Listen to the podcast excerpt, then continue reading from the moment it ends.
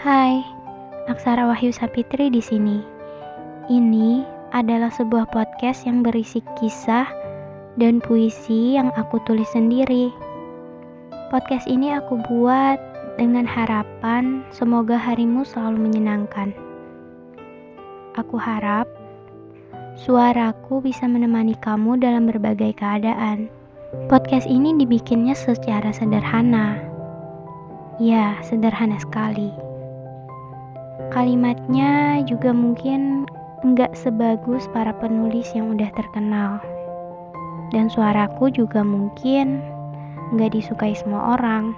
Tapi poin pentingnya adalah daripada memikirkan hal-hal yang aku nggak bisa, aku mencoba yang terbaik untuk menghibur kamu dan menemani kamu dalam berbagai keadaan.